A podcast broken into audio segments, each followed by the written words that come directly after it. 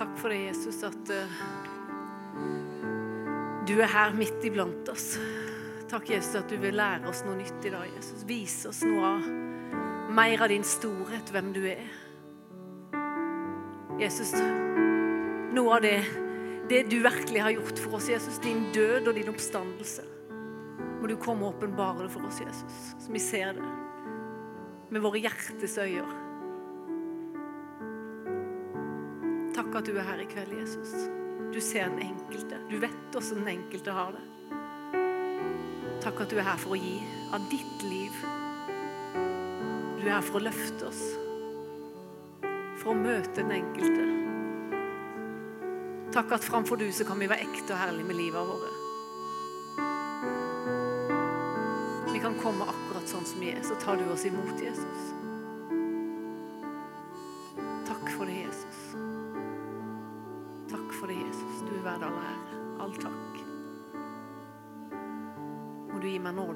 Forkynne ditt budskap, Jesus. Ditt ord, din sannhet.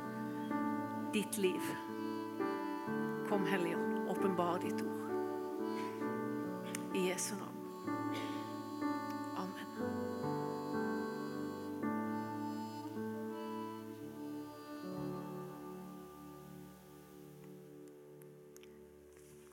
Tusen takk, lovsangere. Vi er heldige i Froland misjonskirke. Jeg tror ikke vi aner det alltid, hvor heldige vi er. Det er helt sikkert. Ja vel, dere. Det har vært eh, Kristi himmelfart og pinse, hvis ikke dere har fått det med dere. Så eh, er det det som har skjedd nå de eh, siste helgene. Og det er sånn der, dette med treenigheten og pinse og alt det her, det er ikke alltid like lett å få med seg. Og spesielt ikke for små barn så er det like lett å skjønne og få med seg alt dette her. Så var det lille Trine, da, hun var skjønn, vet du. Hun kom hjem, hun hadde fått høre om pinsa og treenigheten og Kristi himmelfartsdag og alt. liksom, Så var hun ivrig, så skulle hun fortelle. Så var det sånn at Jesus han fløy opp til himmelen, og der traff han Jesus. Og nå sitter han med sin egen høyre side. det var ikke like lett å få med seg alt dette her, men det er herlig. Unger, vet du, når de forteller, og det kan jeg like. Det kan jeg like. Jeg vet ikke, det, det, Som dere så, så hadde vi det fryktelig gildt på Menighetsviken. Så gildt at det gikk hardt for seg. Jeg skulle stupe inn i det hoppeslottet, så det ble noen brennmerker her og der. Og Katrine hun hadde en fantastisk tale på søndagen eh, om Den hellige ånd. Og jeg tenkte at jeg skulle ha lånt den der, egentlig, for hun hadde en sånn der, eh, Heter det gassbrenner? Hun sto liksom med den sånn over, sånn hun fikk sånn en fancy flamme over hodet tenkte jeg, den, den må jeg låne til søndag. Men så heldigvis så tenkte jeg liksom litt mer enn to sekunder. For jeg kjenner meg, så, meg sjøl så godt at jeg vet at jeg hadde satt den rett i hestehalen. Da hadde det blitt en heftig flamme her. Så vi lar den ligge. Det tror jeg er det lureste. Men temaet jeg har satt for i dag, det er rett og slett brenne uten å brenne opp. Eller uten å bli utbrent. Hvordan kan den flammen brenne i mitt liv, i ditt liv? Brannen for Jesus. Det at vi virkelig ser Jesus, hvem han er, og alt det han har gjort for oss. Hvordan kan den flammen på en måte være levende og ikke slokke? Ikke brenne opp, eller at jeg skal bli utbrent. Jeg har noen punkter jeg har lyst til å ta deg gjennom. Det er litt, Vi begynner jo i Bibelen, historier eh, om disiplens liv, som òg jeg ønsker å dra inn litt i vår hverdag og Den hellige ånd i dag. Og så òg litt om hva kan slokke brannen i våre liv, i vår hverdag. Og til slutt vil vi jo selvfølgelig avslutte med å bli fylt av Den hellige ånd. Det er jo en herlig avslutning. Vi kan jo ikke la være det. Men dere, vi starter med å gå inn eh, i Guds ord først.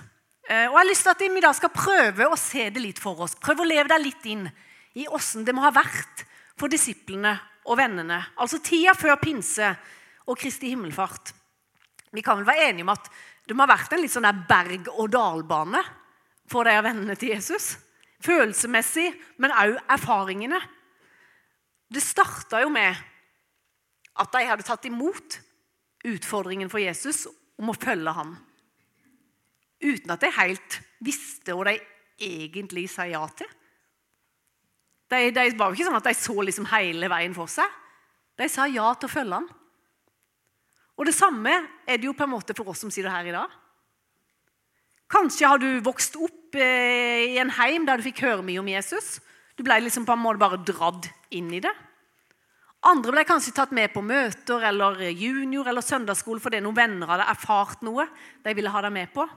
Eller andre er kanskje i dag som jeg har hørt litt om han der Jesus, er kanskje litt nysgjerrig på det eller vil finne ut av noe mer om han. Men felles er vi er alle underveis. Vi er alle underveis. Bare med å komme her i dag så beveger du deg faktisk i en retning etter Jesus.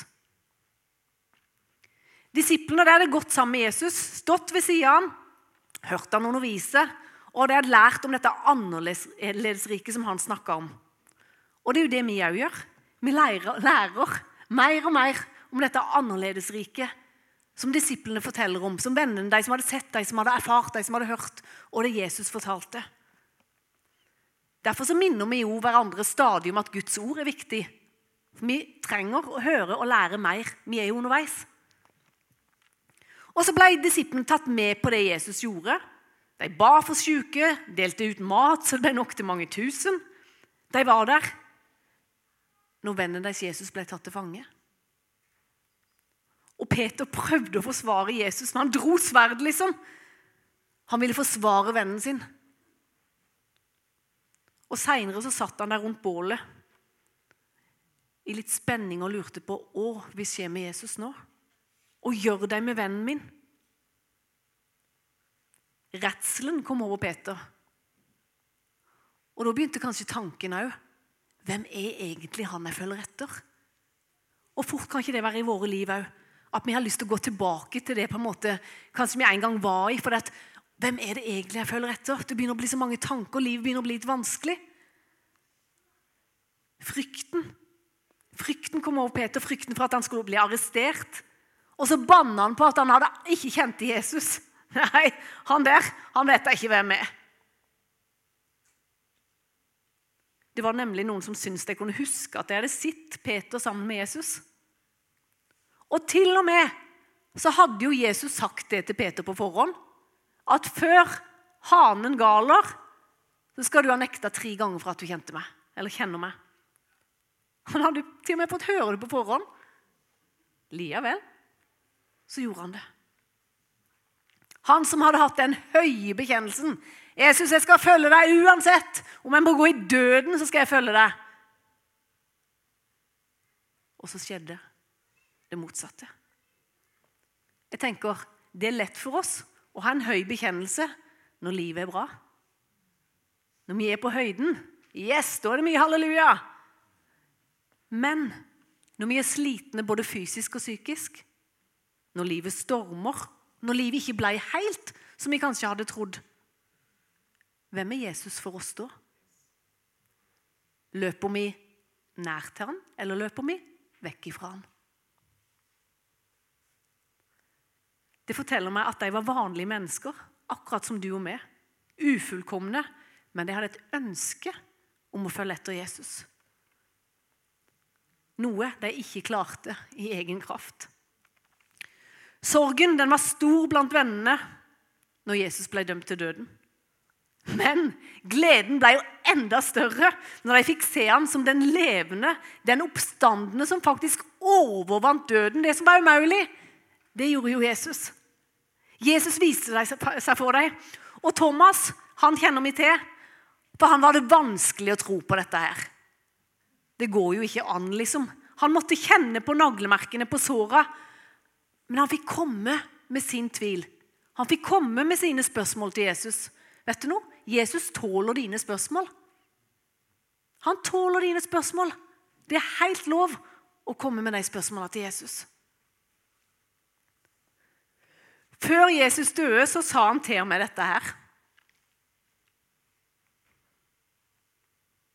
Dette blir spennende. ja. Han sa dette her. Hør her, gjengen, liksom. Johannes 16, 5, sier han.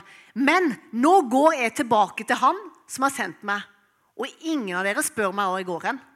Jeg ser at dere blir fryktelig lei dere over det jeg har fortalt dere. Men dere vil forstå at det er til det beste for dere at jeg går til Gud. For da kan jeg sende Den hellige ånd til dere. Hvis jeg ikke hadde gått fra dere, så ville ikke Den hellige ånd kunne komme til dere. Og Litt lenger ut i kapittelet så sier Jesus dere sier at dere tror på meg nå, men om ikke lenge så vil dere løpe hver deres vei.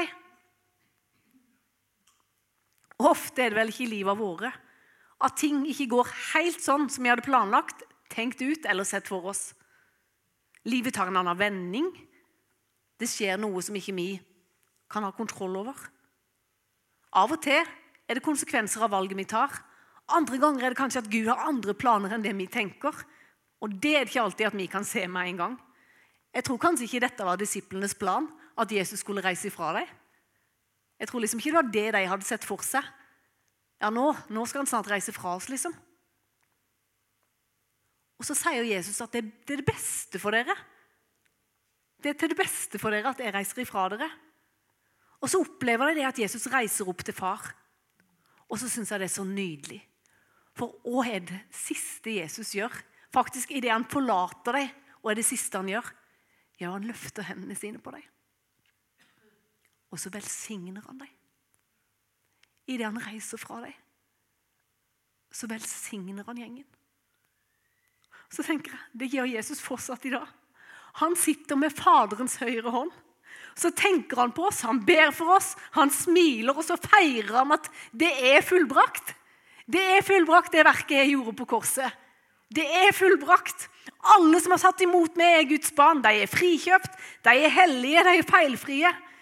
Og, og fortsatt så lengter jeg og søker etter alle de som ikke har fått oppleve og erfare min kjærlighet nede på jorda ennå.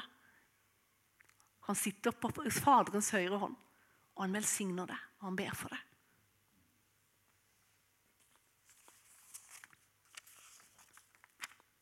Rett før Jesus reiste, så hadde han òg sagt Nå skal jeg sende ut dere. Nå skal dere få lov å være med på det Gud gjør i verden. Sånn som jeg har vært et bilde på Gud i denne verden, skal dere nå fortsette å være det bildet. Ganske heftige saker. Dere skal være mine armer og bein. Fortell om det jeg har fortalt dere.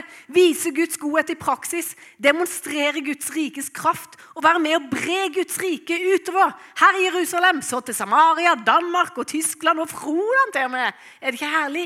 Det var liksom det budskapet Jesus ga før han reiste. Og så stopper det jo ikke der. Det stopper jo ikke der, for det gjelder oss i dag, dere. Akkurat det samme som Jesus sa til sine disipler. Det fortsetter med oss i dag. Du skal få være med og bygge Guds rike i Froland og langt utover Froland. Med de gavene, med de talentene, med det som Gud har gitt akkurat du. Men det er én ting først, som Jesus sa. Dere må vente til dere blir ikledd kraften ifra det høye. Og hva er det for noe?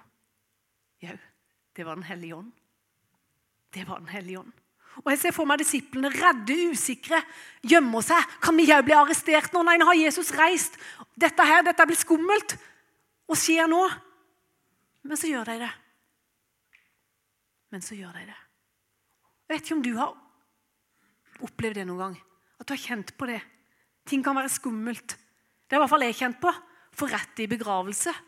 Du skulle være visst og skummelt det Det skulle være visst og skummelt det å sitte der før du skal gå opp på talerstolen. Du kjenner hjertet holder på å slå, du er klam på ryggen. Det er skummelt. Du kjenner deg så liten i forhold til den oppgaven eller tjenesten du har. Du kjenner kanskje det i din hverdag, på arbeidsplassen din. Hvordan i alle dager skal jeg få, lov, få snakke med noen om Jesus? Hvordan kan noen bruke meg? Jeg er jo ingenting. Jeg har jo ingenting. Dette er skummelt. Jeg er ikke noe god på dette. Men hva gjorde disiplene? De handla på Jesu befaling og så venta de som han hadde sagt. Og lett syns du det er å vente av og til? Jeg syns det kan være utfordrende og vanskelig i mitt liv. Vente på noe jeg ikke helt vet åssen skal bli. Men Jesus sa dere må vente. Dere må vente. Det er seier. Nå er det klart. Og så skjer det, det som Jesus hadde sagt. Og sånn er det alltid. Det blir sånn som Jesus har sagt. For han, når han lover noe, så er det han som står bak sitt ord. Han er garantien for det han sier. Og han står bak sitt ord. Han kan ikke gi, vet du. Det er herlig. Så ble det sånn som han hadde lovt. Kanskje ikke det ble akkurat sånn som disiplene hadde sett for seg, men det ble sånn som Jesus hadde sett det for seg. For de hadde kanskje ikke sett for seg lyden av en voldsom vind og noen tunger på hodet liksom av ild, og de ble beskyldt for å være fulle. Og, altså, Jeg tror generelt kanskje ikke livet ble sånn som de helt hadde tenkt seg. Men dette må du få med deg. Det som altså skjer når Den hellige ånd kommer, så er det Guds eget nærvær som tar bolig i vanlige menneskers kropper. Tygg litt på den. Guds eget nærvær med alt det Gud er og har, det tar bolig i et vanlig menneskes kropp. En klarer ikke å skjønne det med hodet. Jeg ser dere ser ut som noen spørsmålstegn. Det er mer enn dynamitt, liksom. Det er mer enn dynamitt. Vi er gjerne av og til opptatt av alt det ytre. Ilden og tegnet og alt. Men dette skjedde inni deg. Innenfra og ut. Livet vårt kan leves innenfra og ut. For Guds ånd har tatt bolig i oss. Og Snart snakker hele Jerusalem om de av Jesusfolka. De som først gikk og gjemte seg, de ble totalt annerledes. Fylt av en kjærlighet og en frimodighet som bare gjorde at de kunne ikke tie stille om det de hadde opplevd og erfart eller sett. Peter en feig apostel som nekta for at han kjente Jesus, for å berge sitt eget skinn. Altså, Han måtte bare ut og fortelle om Jesus. Han måtte bare ut og fortelle om det han hadde sett og opplevd. 3000 tar imot budskapet som dere har hørt. Flokken bare vokser. Og siden den dagen så har flokken som ønsker å tro på Jesus og følge etter ham, den har bare vokst og vokst og vokst. Og her sitter dere i dag. Og Guds hjerte og Guds plan er at den flokken skal vokse og vokse og vokse.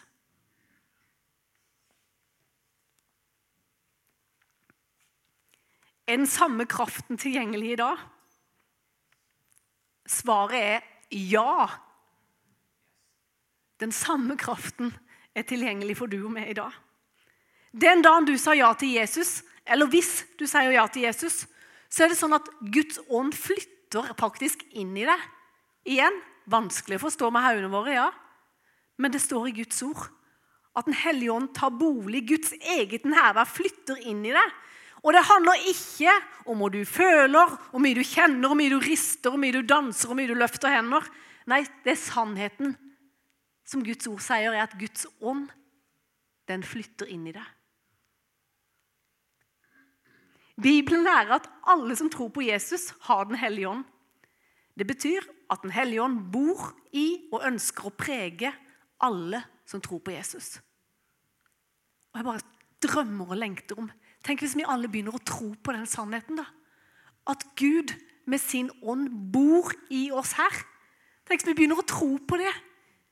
Det handler ikke om oss at vi skal få til på noe, men det handler om at uansett hvor jeg går inn henne, så kommer jeg med Guds fred.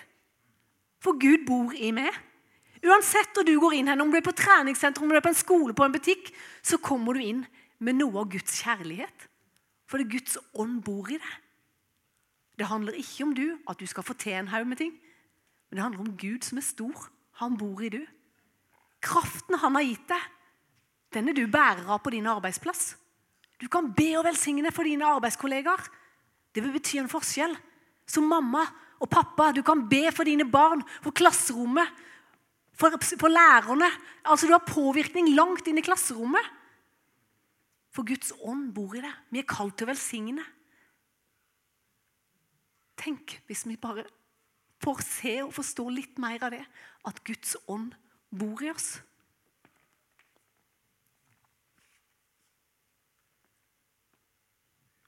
Samtidig så snakker Bibelen om at vi stadig kan bli fylt av Den hellige ånd. Paulus skriver i Efeserne 5,18 Der skriver han drikk dere ikke fulle på vin. Det fører bare til utskeielser, men bli fylt av Ånden. Det som er så fantastisk, det står vi kan bli fylt altså gang på gang på gang. på gang. Det er ikke en engangsgreie, men stadig bli fylt. Og det som er så fint, er at det er ikke noe vi skal prestere eller fylle oss sjøl, men det står 'bli fylt'. Det er en passiv form, så det er Gud som fyller oss. Det er ikke noe du skal streve for å kave for sjøl, men bli fylt. Ja, men åssen blir jeg fylt, da? Og hva skal jeg gjøre for noe? Ja, F.eks. med at du sitter her i dag. Det er et godt valg. Du har tatt et valg om å komme på gudstjeneste. Her er Jesus midt iblant oss. Det er et bra valg. Lovsang en måte mange kan bli fylt av Den hellige ånd på. Tilbe Jesus, takke han. Det er akkurat som Jo mer en takker Jesus, jo mer, mer stiger takknemligheten, og jo mer blir takknemligheten for hvem han er og han har gjort for oss. Du kan kjenne at du blir fylt opp, forfriska. Bønn, Guds ord, hvile i hans nærvær. Jeg tenkte på det av og til. Av og til er det jo sånn at en drikker sjøl, og av og til i livet så er det nesten så en trenger intravenøst. Det å bare ligge på sofaen, og så kommer han. Hvis du inviterer han. Så kommer han de gangene en ikke orker å drikke sjøl.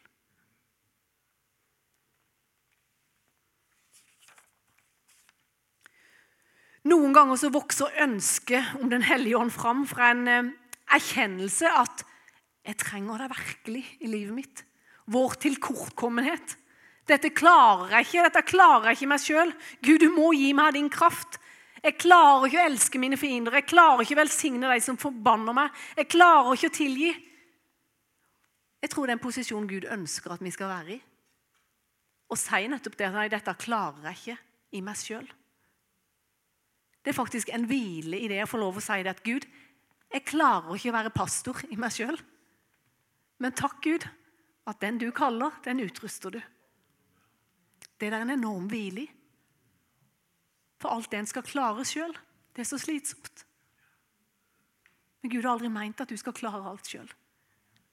Men han ønsker oss i en posisjon der vi sier at Gud, jeg er avhengig av du og din Hellige Ånd. Jeg er avhengig av din kraft. Takk at jeg får lov å være svak. Takk at du er den sterke. Og da er det mange ganger at Gud blir synlig gjennom våre liv. For når vi ser og innser at dette kan jeg ikke klare sjøl, da er det jo Gud som kan få all ære. Det er han som blir stor. Det er han som eh, fortjener takken. Andre ganger så kan ønsket om Den hellige ånd det kan vokse fram hvis en kjenner en sånn tørketilstand i livet vårt. Alt kan oppleves tomt, trått, lite begeistring, lite glede. Alt er på en måte bare håpløst. Livet bare skjedde. Det er ulike årstider og sesonger av livet våre. Det var ikke det som var planen eller drømmen din, at du skulle sitte der og kjenne at alt bare var tomt. Og plutselig så sitter en der så kjenner en bare på Jesus, er du der egentlig? Du føles bare så enormt fjern, så langt vekk. Og Da kan det være både slitsomt og irriterende på en gang å høre en predikant som står og snakker, liksom. Så kjenner du bare at 'jeg holder på å spy'. Alt er bare tomt. Alt er bare tomt. Dette bildet tok jeg for et par uker siden. Eh, jeg hadde frihelg. Ole Georg og vi bestemte oss for at nå var vi langt på heia, så vi pakka sekken, sekken ned og reiste langt på heia mellom Tovdal og Gjøvdal. Og noen mil inn på heia så kjente jeg at jeg gikk der med en tung sekk. For det var for lenge siden jeg hadde kjent på å bære på en tung sekk, så jeg ville kjenne på det. For jeg liker å være litt utenfor og kjenne på det at livet ikke bare Vi trenger å bli slitne av og til. Så jeg gikk og bar på en tung sekk og kjente det at eh, jeg begynte å bli tom for væske. Jeg hadde bare litt igjen av vannflaska mi. Og jeg kjente det at det begynte å gnage på skuldrene med denne sekken, og det var varmt. Og så kommer vi plutselig fram til den bekken der. Og det ble en hel tale for meg. Det ble en hel tale for meg. Og jeg tror, jeg tror at akkurat dette her er til en eller noen av dere her inne i dag. For vet du når jeg fikk komme fram der? Fikk jeg lov å kaste av meg den tunge sekken. Og Jesus sier, 'Kom til meg, du som strever og har tungt å bære.' Så vil jeg gi deg hvile. Og det å få lov å kaste av seg den tunge sekken og kjenne det at 'Å, nå er det hvile'. Nå er det hvile. Og så fikk jeg lov å gå hen i den bekken og bare drikke og drikke. Og det var så forfriskende. Og vet du, Jo mer jeg drakk Det var jo ikke sånn at det ble tomt. Det var jo bare mer og mer på laget. Det gikk jo aldri tomt. Jeg kunne bare drikke og drikke og drikke. Og jeg kjente jeg ble så forfriska. Vet du noe? Det er en kilde som du skal få lov å drikke av i kveld. Det er en kilde som du skal få lov å drikke av i kveld. Jesus ønsker å forfriske deg igjen av sitt liv. Så du kjenner at den tørketida, den er over. Han vil gi deg av sitt liv. I kveld skal du få lov å legge av deg det som tynger, og fylles opp av Guds gode, hellige ånd, som vil forfriske ditt indre, så du på ny får se Jesus og det han har gjort for akkurat du. Det er ulike ting i livet som av og til kan gjøre at vi kjenner på den der åndelige tørken. Men det er én ting som er så viktig å si. Det er ingen fordømmelse for den som er Jesus Kristus. La skammen bare ikke få lov å trykke deg ned, for det er ingen fordømmelse for den som er Jesus Kristus. Du er Guds barn, og det er mer vann tilgjengelig. Andre ganger kan det være at vi får øynene opp for hva Ånden kan gjøre i livet våre. Med å f.eks. høre forkynnelse, eller at du leser Guds ord. Så bare tenker du 'Å, dette vil jeg òg ha i mitt liv'. 'Dette lengter etter jeg etter. Dette har jeg lyst til å erfare i mitt liv. Dette vil jeg ha tak i'. Og Da begynner det en tørst og en lengsel å vokse fram. Dette vil jeg òg ha. Og da sier Guds ord om noen tørster, han skal komme til meg og drikke. Og den som tror på meg, ut ifra hans indre skal det, som Skriften har sagt, flyte strømmer av levende vann. Det er herlig. Det begynner gjerne med en lengsel. Og da er det som Jesus bare sier, 'Kom, kom og drikk hos meg.' Kom og drikk hos meg. Er den kilden? Er den som er med på lager? Er den som vil at du skal drikke og bli fylt opp? La oss stille fram våre tomme kar i kveld, både som menighet og som enkeltpersoner. Og vet du, jeg tror Gud vil fylle. Gud vil fylle. Vi kan lese hvordan den første menigheten vokste med Den hellige hånds hjelp. Og for en kraft og for en kjærlighet de menneskene Du kan nesten se det for deg når du, når du leser oss. Det er en kraft og kjærlighet de har utstrålt. Og vi trenger ikke være annerledes. Vi har de samme mulighetene. For ikke sant, Roald, du sier alltid det. Jesus han er i går og i dag den samme. Det er herlig. Vi kan få lov å leve og erfare det som de første disiplene gjorde. En liten historie. Eh, er det noen av dere som har hørt om Heidi Baker? og Jeg kaller han Roland i Frolandsheimen Roland. Roland Baker. Noen av dere som har hørt om han? De, mener jeg? Ja, noen. Altså, det er Altså, jeg kan nesten si at De har levd som i apostlenes gjerninger. De er misjonærer og har vært med å starte et stort arbeid eh, nede i Mosambik. Og De har stått i dette arbeidet blant de fattigste der i over 30 år. Og det har absolutt ikke bare vært lett. Heidi hun kalles nå mamma for tusenvis av unger. De har starta bibelskoler, medisinske klinikker, omsorg for foreldreløse barn, brønnboring, skole og et nettverk av kirker. Og de har opplevd helbredelser, under og mirakler. Og så sier de, Heidi og Roland, som jeg kaller ham, Bibelsk og historisk sett så er ikke vekkelsens formål eller fokus Den hellige ånds gjerning eller vekst i antall kirkegjengere som opplever at Gud puster på dem. Vekkelsens fokus er Jesus.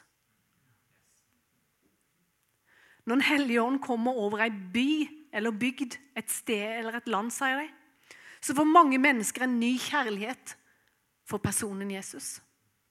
De begynner å tilbe Jesus, takke og gi Jesus ære. Livet blir forvandla, og de får en ny kjærlighet i livet som gjør at de begynner å leve annerledes.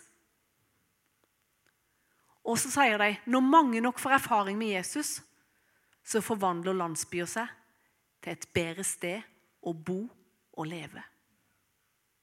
Tenk for en påvirkning. Mosambik er blitt forvandla pga. to mennesker var villige til å gi Jesus videre. Fordi de var så flinke og kunne så mye? Nei, de begynte å tro på det som Gud hadde lagt. Den den ånden som Gud hadde lagt inn i deg, Guds ånd, Den hellige ånd, så begynte de å handle og leve på det, og så begynte de å gå. Og så sier de videre De ble spurt etter å ha levd i vekkelse i Mosambik i over 30 år Åssen har dere klart å stå i det og være brennende uten å brenne opp? For det har jo ikke vært et lett liv. Og hva de svarte? Vi fester blikket på Jesus troens opphavsmann og fullender. Og når vi presses til det ytterste, så gjør vi som Paulus og bestemmer oss for at vi vet vi vet ikke noe annet enn Jesus Kristus og Han korsfesta. Det er det eneste grunnlaget troen vår bygger på. Vi tror på Han som elsker oss, og som døde for oss, og som sto opp igjen. Han som viste oss hva ekte kjærlighet er for noe. Og dette må Den hellige ånd stadig fylle oss med åpenbaring om, så vi stadig får se Jesus klarere og alltid kan leve ut ifra det.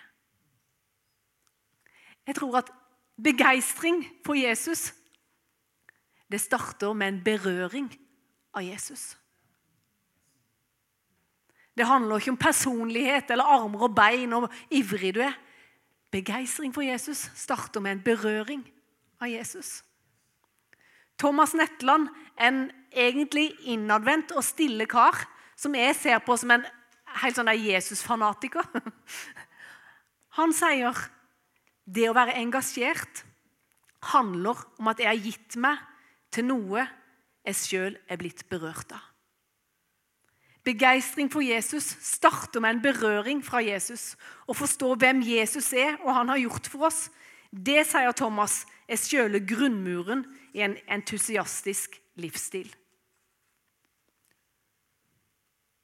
Og da er mitt lille sånn tankegreie i kveld òg Og kan slokke entusiasmen eller brannen i vår hverdag.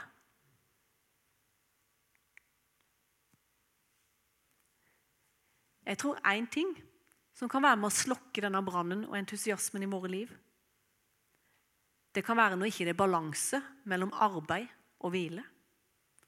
Kanskje er du overarbeida. Åssen er rytmen i ditt liv? Vi trenger både input og utput, holdt jeg på å si. Arbeid og hvile. For mye av det ene eller det andre kan gjøre at vi kan miste gløden og brannen. Det er interessant når du leser i begynnelsen av Bibelen. På den sjuende dagen hvilte Herren var Gud så forferdelig sliten. Nei, Nå hadde han sjaua så med dette skaperverket. Nå var han helt utslitt, nå måtte han ligge og hvile litt. Jeg tror kanskje ikke akkurat det. Men jeg tror Gud visste at vi mennesker vi har en tendens i oss til å både flykte inn i arbeid, til å få bekreftelse i arbeid, til å ville bli sett i alt vi gjør. Så han måtte kanskje bare fortelle oss at vet dere noe? Arbeid og hvile. Balansen der. Balansen der.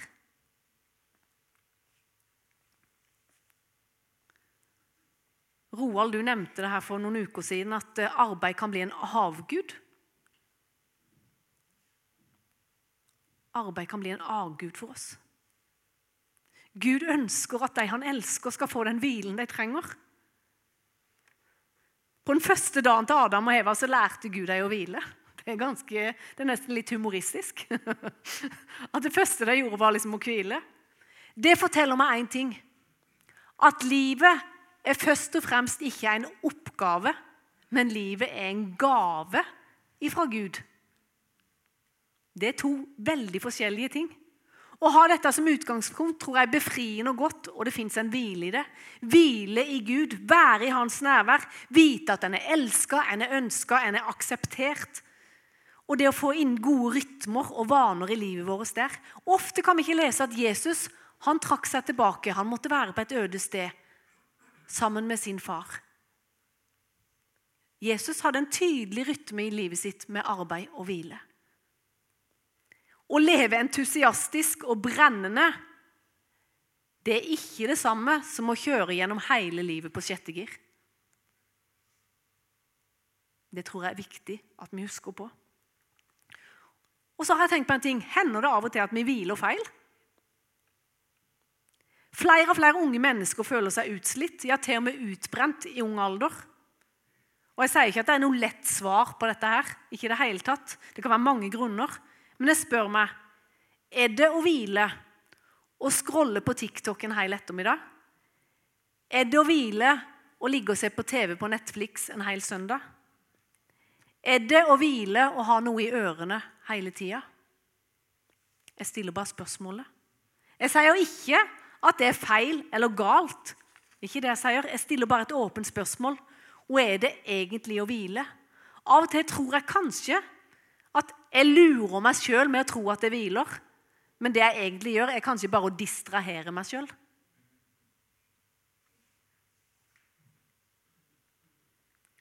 Fins det en sammenheng mellom denne generasjonens økende skjermbruk og synkende mental helse?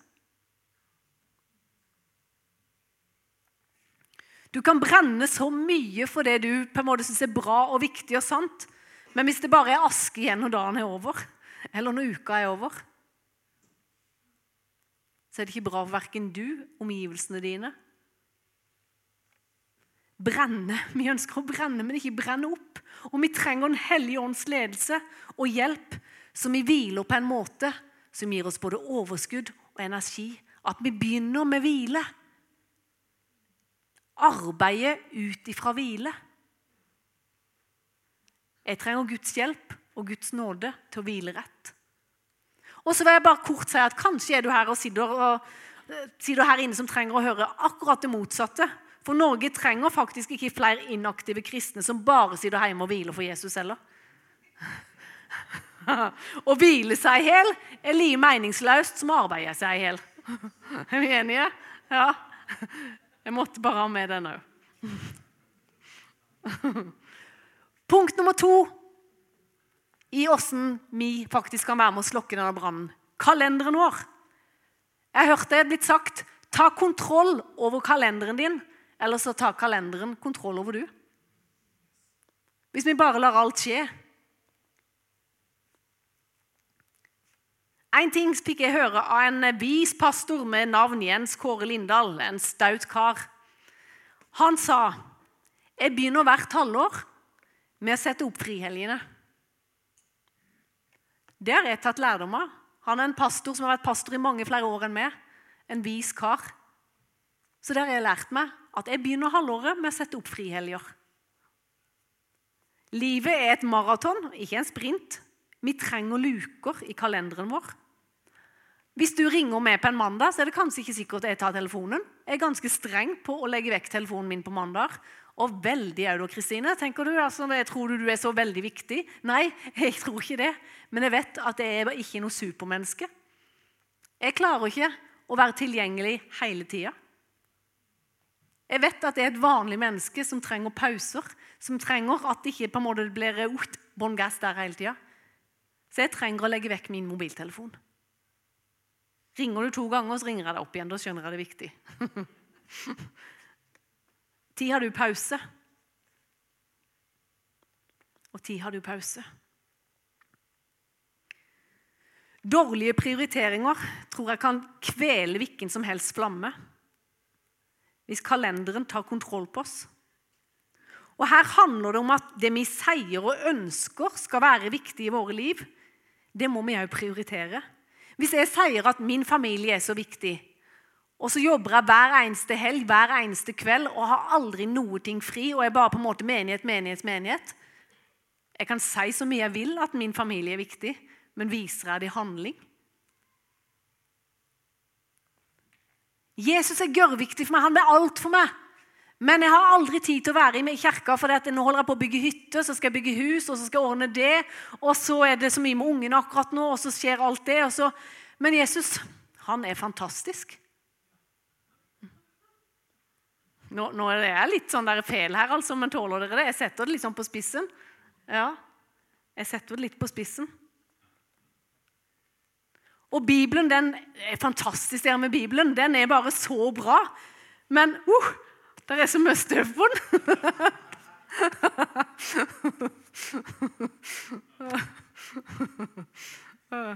Kalenderen kan faktisk si ganske mye om livet våre. Mm. Ikke bare ord, men handlinger.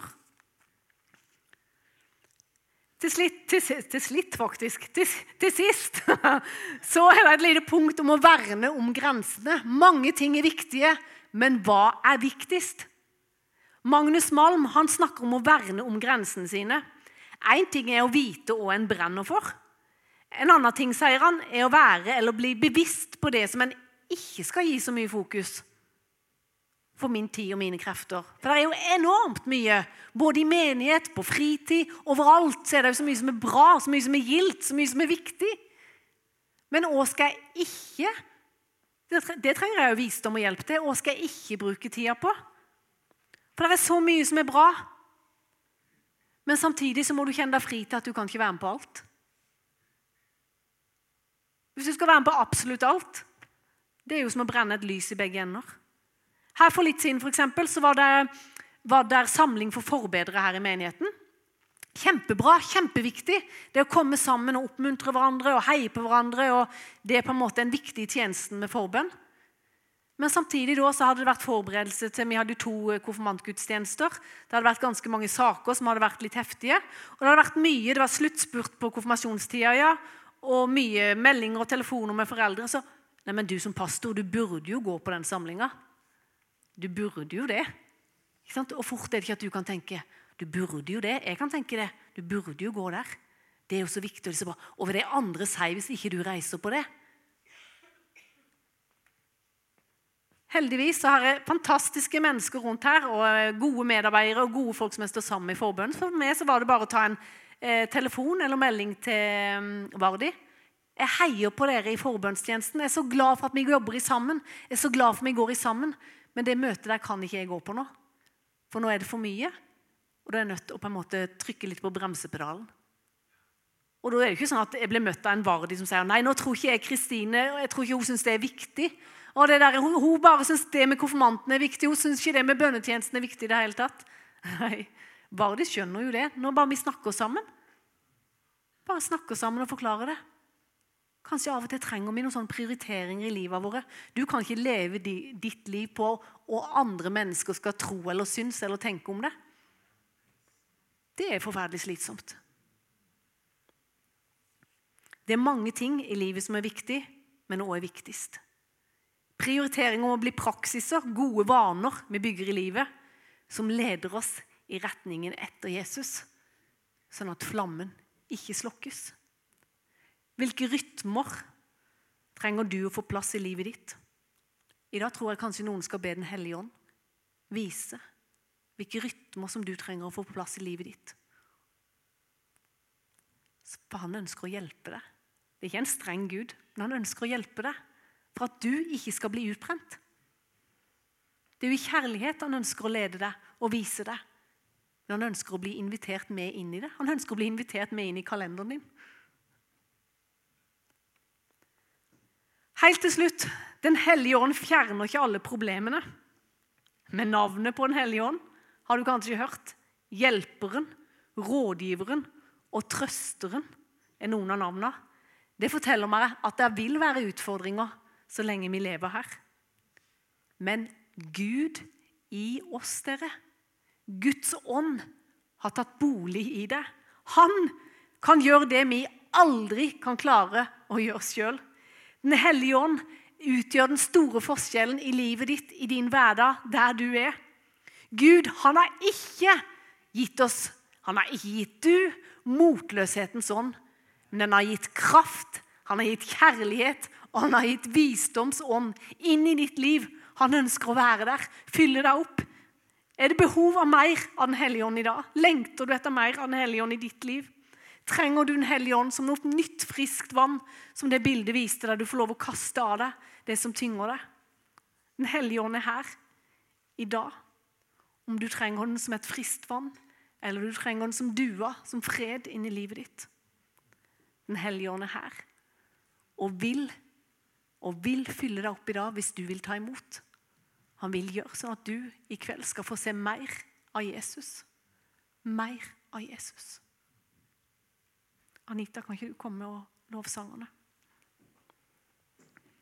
Vi vil bruke noen minutter nå bare på å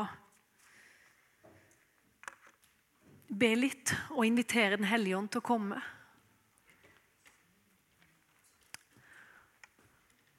Takk, Jesus. Takk, Jesus. Takk at du er den store forskjellen, Jesus. Takk for din død og din oppstandelse. Takk, Jesus, at du sa det, at det var til det beste for oss at du reiste vekk. Opp til din far, for du ville gi oss av din gode Hellige Ånd. Takk at du er her i kveld og vil utøse av din, av din ånd inn i menneskers liv. Jesus, takk, Jesus, at du alltid har meg på lager. Takk, Jesus, at du ønsker å møte deg som kjenner at det er tørt.